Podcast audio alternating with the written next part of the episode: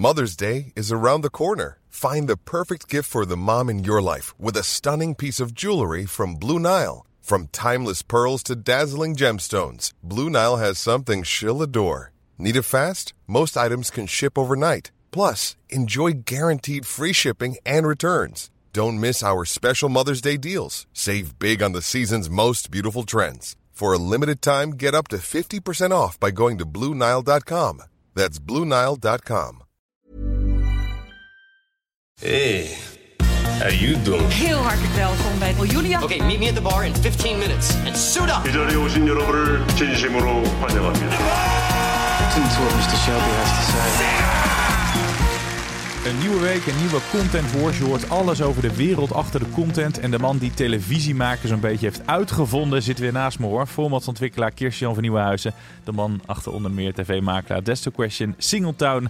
En hij zat ook nog in het team dat Big Brother bedacht. Ik ben Jelle Maasbach en samen met Kirsten hebben we het deze week over Jeroen Pauw. De man die je de laatste tijd vaak aan talkshowtafels ziet. Zoals uh, onlangs nog bij Oranje Winter. Maar daarvoor voor de jonge luisteraars furoren maakte als interviewer. En dat is natuurlijk wel een beetje het gevaar wat je hebt. Dat je, als je op zo'n plek zit, dat je te snel... Ja, maar gaan we, ga je nou, gaan we nou zo de uitzending beginnen? Lijkt mij een lekker nou- begin. Dat er een Nee, beetje ja. spanning is. Dus, dus, ja, maar dus, eh, dus dan roep je hier wat en dan maak je daar een grap over. En, dan ga jij mij nu, weken later, ga jij mij hier erop aan zitten vallen. Ja. Dat ik heb gezegd dat Niet ik dat ook- aanvallen, maar ik vind het gewoon sneu.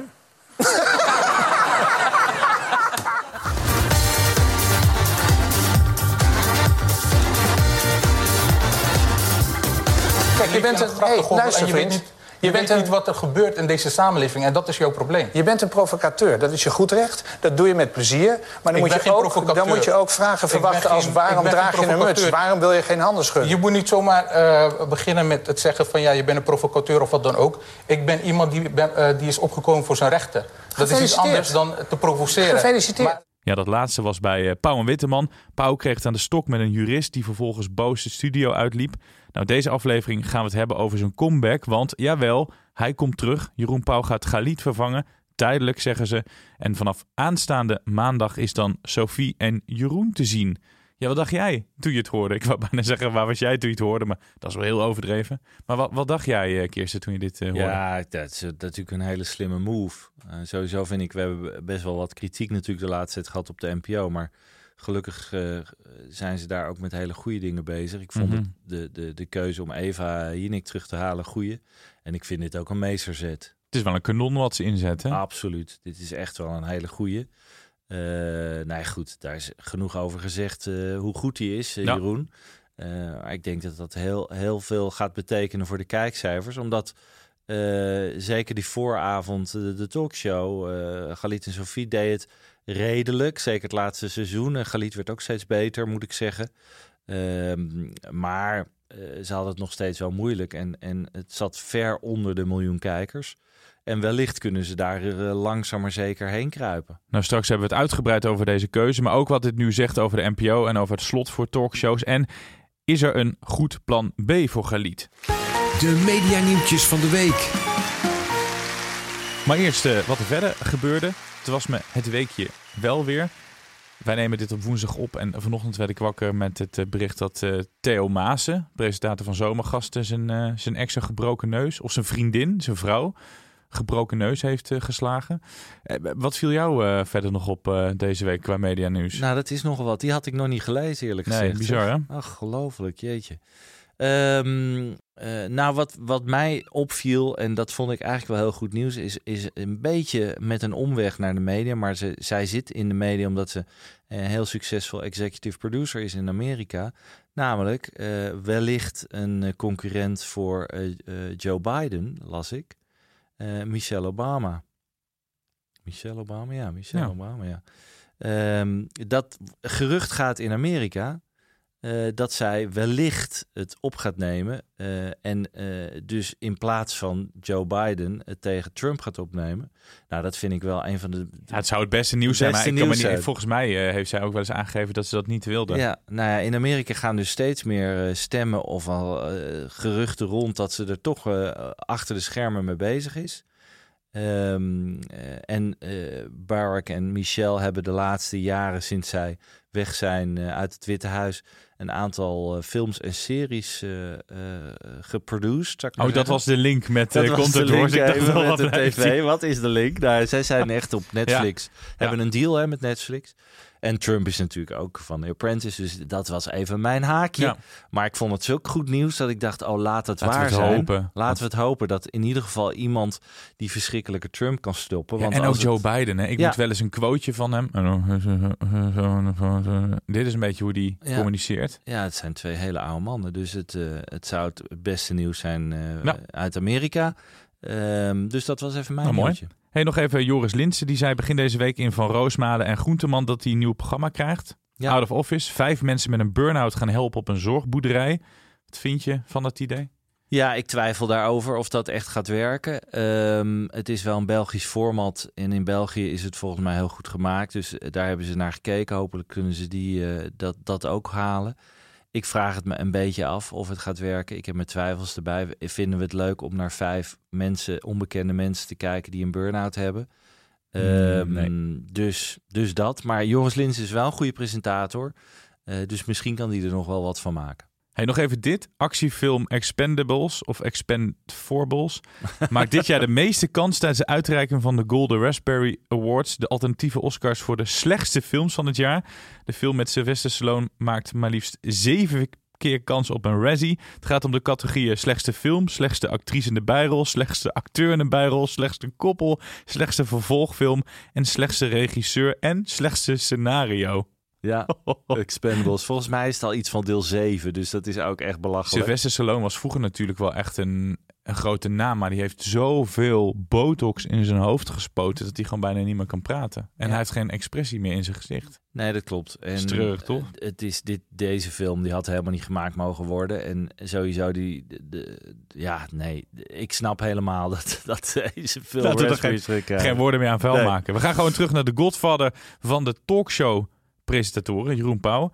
Eh, hij zegt, ik doe dit tijdelijk. Ik wil helemaal niet met Sophie mee naar dat huidige opeenslot. Geloof je dat het ook echt gaat gebeuren? Of denk je dat hij toch stiekem blijft? Eh, nee, ik denk, ik denk ook dat het tijdelijk is. Ik denk dat hij heeft natuurlijk zo lang dagelijkse televisie gemaakt. Toen hij ermee klaar was, heeft hij meerdere malen verklaard dat hij ook echt wel blij was dat dat niet meer hoefde. Dagelijkse televisie is heel zwaar. Al valt het bij eh Sofie en Jeroen natuurlijk wel mee, omdat ze het om en om doen. Mhm. Eh, en ik vermoed dat dat ook gewoon zo blijft. Het is niet dat ze een duo-presentatie gaan doen, heb Nee. ik althans niet begrepen. Dus dat is misschien, maakt het echt wel iets eh, minder zwaar. Ehm, maar ik zou het ook wel een beetje raar vinden als hij nu weer voor altijd gaat blijven. Ik gun het hem hoor. En ik denk dat het prima is als het zo is. Maar ik denk dat hij het echt tijdelijk doet. De vraag is, en daar ga ik al een beetje inspelen op jouw plan B. Gaat ne- eh, NPO 1 een dagelijkse talkshow om zeven uur houden? Dat is een, ook een vraag. En dat is eh, misschien het plan B. Dat, dat ze er misschien wel vroeg of laat mee gaan stoppen. Maar ze hebben even Jinek daarvoor eh, gehaald. Dus dat even Jinek toch weer gewoon naar de avond gaat. Ja, dat wie weet. Dus dat, ik ben heel benieuwd of dat... Kijk, in principe staat dat natuurlijk nu. Ja. Alleen, je ziet dat een huis vol en iets meer wat nu loopt... het gigantisch goed doet. Meer dan Ja. een miljoen kijkers. Dus misschien wordt op een gegeven moment wel de keuze dat we zeggen... inderdaad, Eva gaat naar de late night en gaat dat afwisselen. Ah, want dat is wat jij natuurlijk al eerder hebt voorspeld. Dat jij zei op dat tijdslot van wat nu Galita Sofie is, zou je prima een ander soort Ja. type programma neer kunnen zetten. En dan zou je de talkshow, die wel belangrijk is voor de publieke omroep, dat je die inderdaad weer naar de late avond eh, gaat halen. Ja. Nou ja, dat... dan ben je wel van het probleem af. Eh, zeker. En het is best wel een, een dingetje, omdat je natuurlijk Eva echt gehaald is voor die vooravond. Dus het zou ook wel raar zijn. Maar eh, wie weet, hè, eh, als Eva niet super scoort en ze houden die problemen met die late night. Want de vraag is natuurlijk, wat gaat er komen in plaats van op één? Als Sophie daar naartoe gaat, hoe gaat het dat doen? Hè? dus het zou best kunnen dat ze misschien zeggen, nou, misschien gaan we afwisselen met Sophie en Eva in de late night. En doen wij een reality soap eh, zoals een huis vol in de, in de vooravond. Dat ze het op die manier gaan inlossen. Eh, en dan heb je een miljoen kijkers in de vooravond. Wat heel belangrijk is, vooravond is super belangrijk voor de rest van de avond.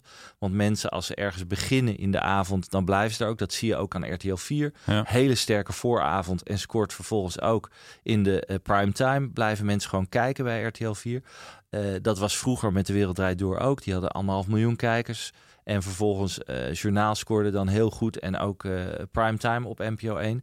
Ja, NPO 1 heeft het over de hele linie gewoon lastig. Ja. En dat komt ook omdat die vooravond gewoon niet genoeg scoort. Ja, dus dit is eigenlijk, als ik jou zo hoor, toch wel een beetje de enige optie. Want stel dat je Eva Jinek dan op die vooravond zou houden. Ja, wat is dan het plan? Want dan moet je toch iemand naast Sophie hebben. Of je moet er misschien een heel ander duo neerzetten. Ja, nou ja, de, de, de, de, er werd gezegd, Sofie en Galit gaan naar die late night.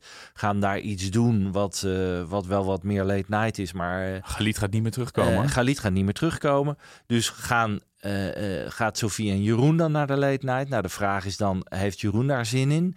Nou, wie weet, dat zou kunnen. Als dit heel goed bevalt weer de vooravond, gaat hij dat misschien nog wel weer doen. Maar misschien dat ze op een gegeven moment zeggen... nou, Eva en Sofie die gaan de late doen om en om. Uh, en nou ja, wat ik net zei. Dus dat zou een, een, een, best wel een, een, spannende ontwikkeling zijn. Ja, grappig. Ik zat zo vast in dat idee dat Eva alleen maar op die vooravond zou kunnen zitten. Waarvoor ze ook gehaald is en waar dat team achter de schermen nu helemaal mee bezig is. Ik hoorde ook van iemand die erbij betrokken is dat ze daar gewoon maandenlang mee bezig zijn. Dus ze gaan pas richting het einde van het jaar, september of zo, als het nieuwe tv-seizoen begint. Ja.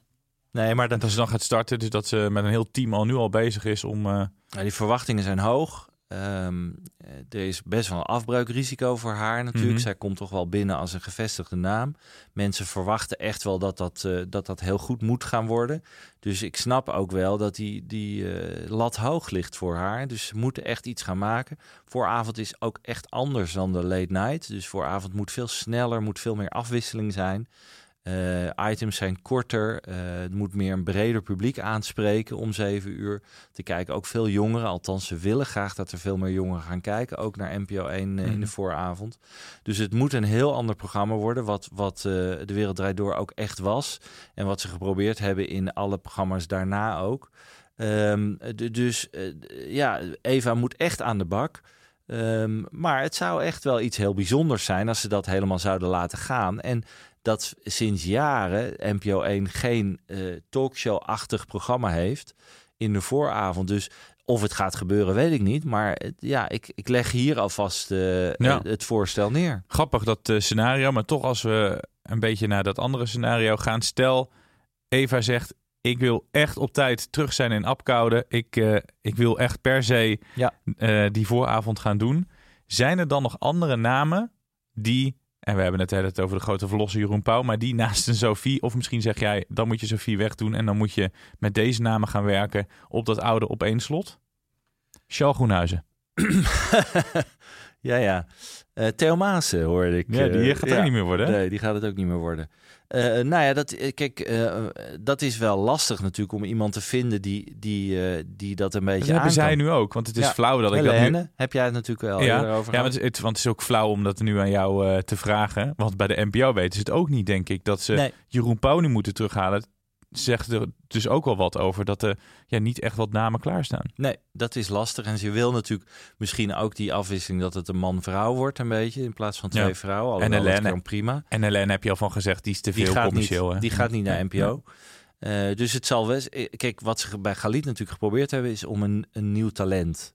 En Galit deed het fantastisch in die pilot. Hij heeft toen echt de uh, NPO uh, helemaal overtuigd dat hij dit aankon. Dat viel een beetje tegen de eerste seizoenen. Het werd wel beter, maar nog steeds is het lastig. Uh, dus je moet daar iemand neerzetten die, dat, die ook echt ervaring heeft in plaats van een heel jong talent. Dus dat is, uh, dat, dat is wel lastig om daar iemand voor te vinden die, Ja. dat, die dat kan. Hoe belangrijk is dat uh, ja, huidige op één slot om dat te behouden daar met een, met een talkshow uh, format? De late night op één. De late night Ja. op één. Nou, kijk, dat is natuurlijk een enorme uh, lange traditie van, van een talkshow op de late avond bij de NPO. Um, zeker de serieuzere invalshoek, wat NPO natuurlijk uh, of op één echt wel is. Uh, bij, je ziet bij RTL Late Night is het al wat losser en VI is natuurlijk een heel ander soort programma. Mhm. Dus er is heel veel behoefte om het te hebben over het nieuws van de dag. En, uh, en daar een aantal experts en echt wel serieuze invalshoeken. Dus ik verwacht dat dat echt voorlopig gewoon gaat blijven. Ja. Um, uh, en, en ik denk dat ze daar ook zelfs met, met uh, of zelfs dat ze daar met Sophie een prima presentatrice voor hebben.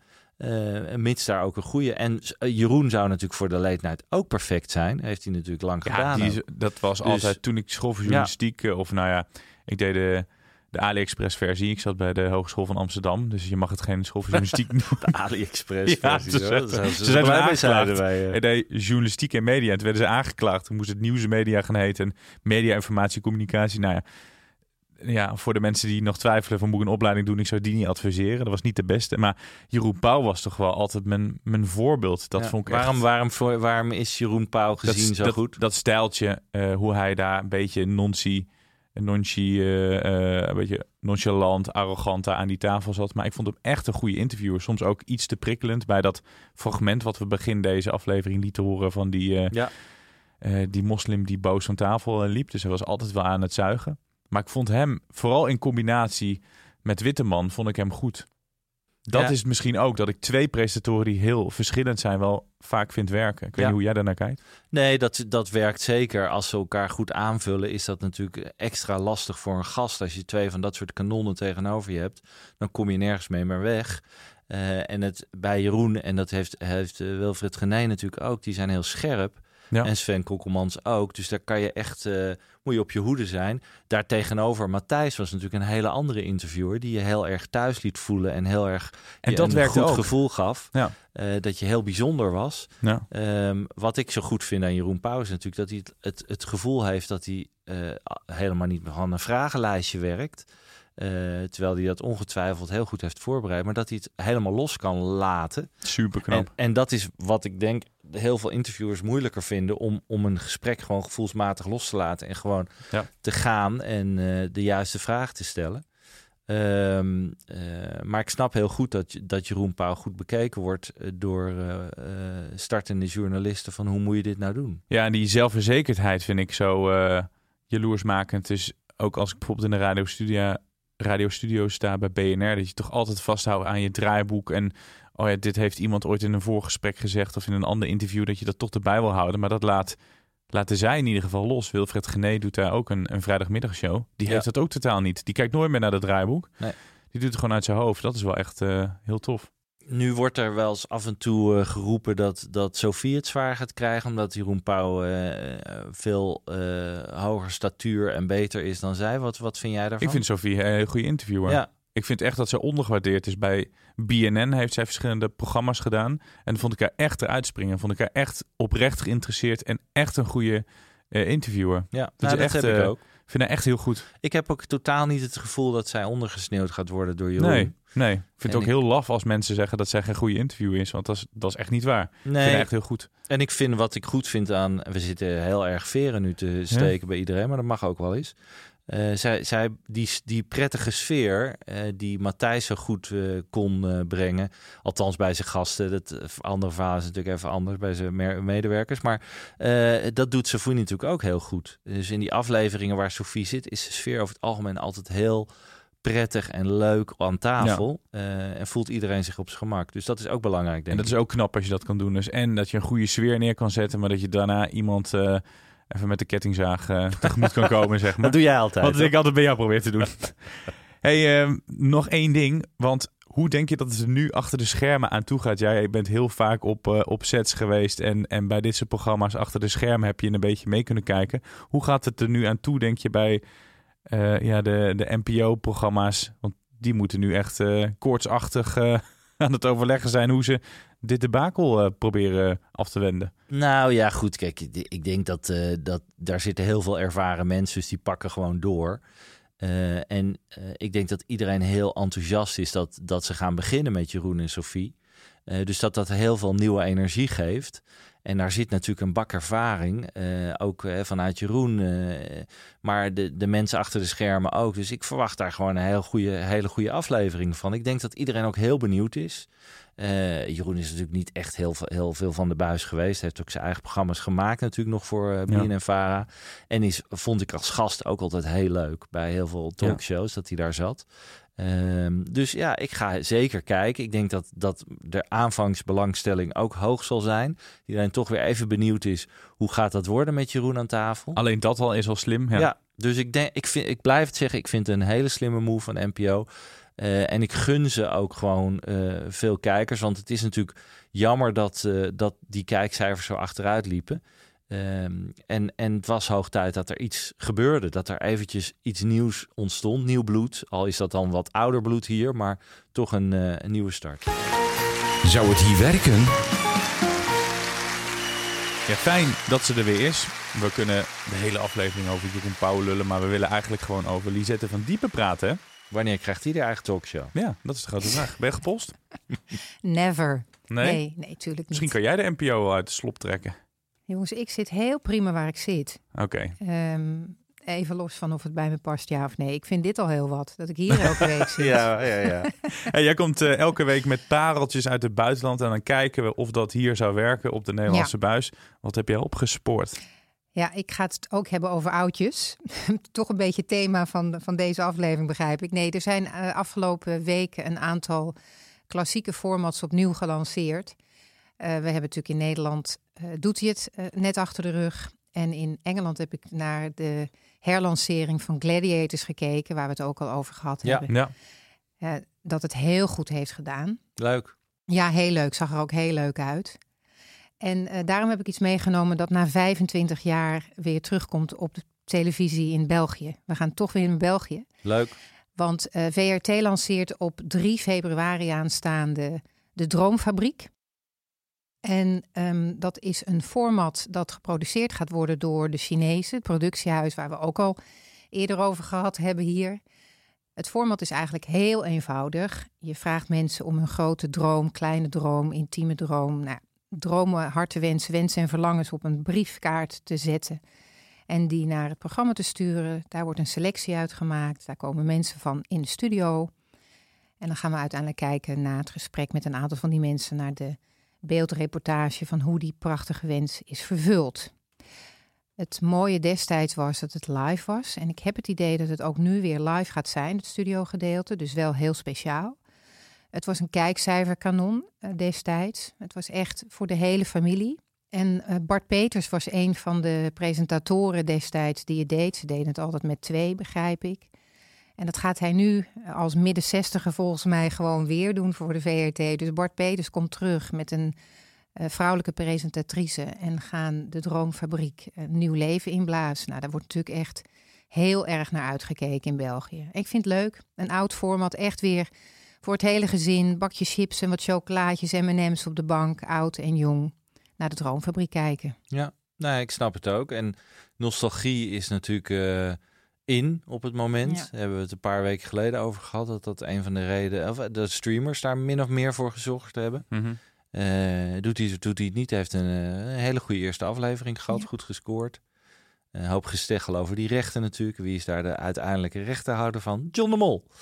Ehm, maar eh, ja, ik snap dat. Ik snap dat dit soort programma's terug worden gebracht. De vraag is natuurlijk een klein beetje: gaat het net zo scoren als 25 jaar geleden? Toen we een hele andere eh, kijkgedrag hadden en we echt met elkaar voor de buis zaten.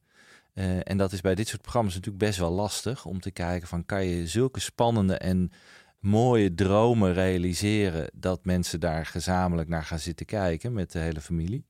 Eh, maar dat is aan die Belgen over het algemeen wel toevertrouwd. Die maken natuurlijk mooie televisie. Ik vermoed dat in Nederland hier zeker met heel veel interesse naar gekeken gaat worden. Zeker door een SBS en een RTL. En misschien zelfs ook wel door de NPO. Eh, omdat dit natuurlijk toch wel programma's zijn die, die ook wel in Nederland kunnen terugkomen.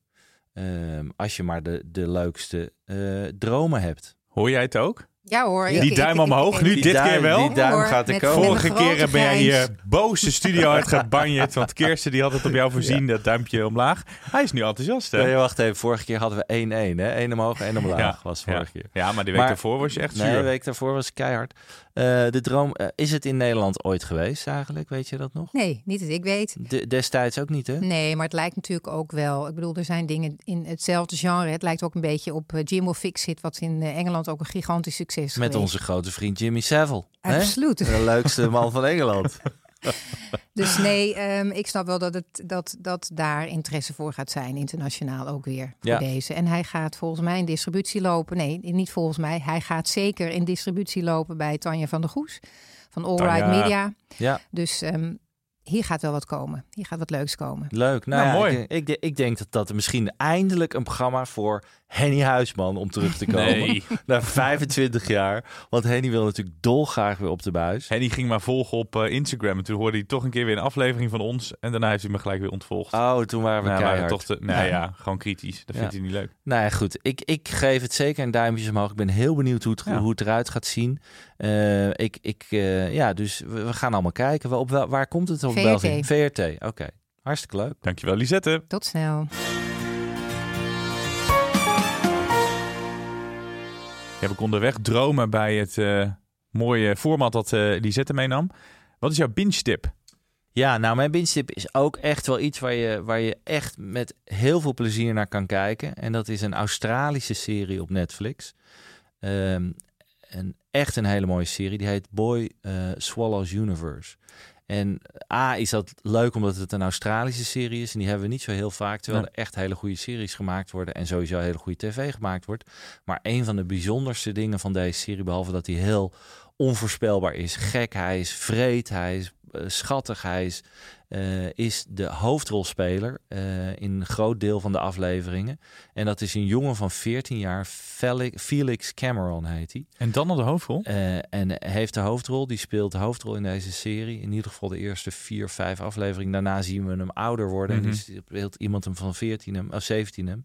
Deze jongen is zo'n ongelooflijk talent, acteertalent. Daarvoor moet je hem alleen nog kijken. Ik voorspel je dat deze jongen heel groot gaat worden. Eh, en prijzen gaat winnen. Ehm, want hoe hij de hoofdrolspeler van een jochie van 14, en hij is zelf ook 14, volgens mij toen hij dit opnam zelfs 13, eh, en hoe hij dat speelt is echt fantastisch. Het is een, echt een prachtige serie. Ehm, hij wordt aan het einde eh, ook nog een soort crime-serie. Maar in het begin gaat het over een dysfunctional familie in Australië. Ehm, echt een aanrader. Boys Swallows Universe op Netflix. Sluit mooi aan bij volgende week. Want volgende week dan hebben we hier iemand aan tafel die uit Australië komt. Ja. Laura Bell is door de liefde eigenlijk naar Nederland gekomen. Ze heeft hier een indrukwekkende carrière opgebouwd. Ze is nog piepjong, maar ze eh, ja, regelt nu al de muziek in films en series. En dat is echt iets waar wij eh, naar uitkijken. Ja, vinden we heel leuk. En het wordt natuurlijk super, is, is super belangrijk voor heel veel series. Let maar eens op hoeveel bekende nummers er in series langskomen. En je meteen in dat gevoel en in die sfeer of in dat, in dat decennium brengen. Ehm, eh, ook steeds meer Nederlandse series. Dus daarom is het heel leuk. Zij is musical supervisor en regelt dus allemaal dat soort deals en nummers. Ehm, dus we zijn heel benieuwd hoe dat allemaal gaat, inderdaad. En, eh, en ik vond het ook heel leuk om eens daarover te hebben. We een heel ander eh métier eh, uit, het, eh, uit het tv- en filmvak. Dus, Gewoon mooi gezegd. Ja. Dan kan ik alleen nog maar zeggen tot volgende week. ja, tot volgende week, jongens.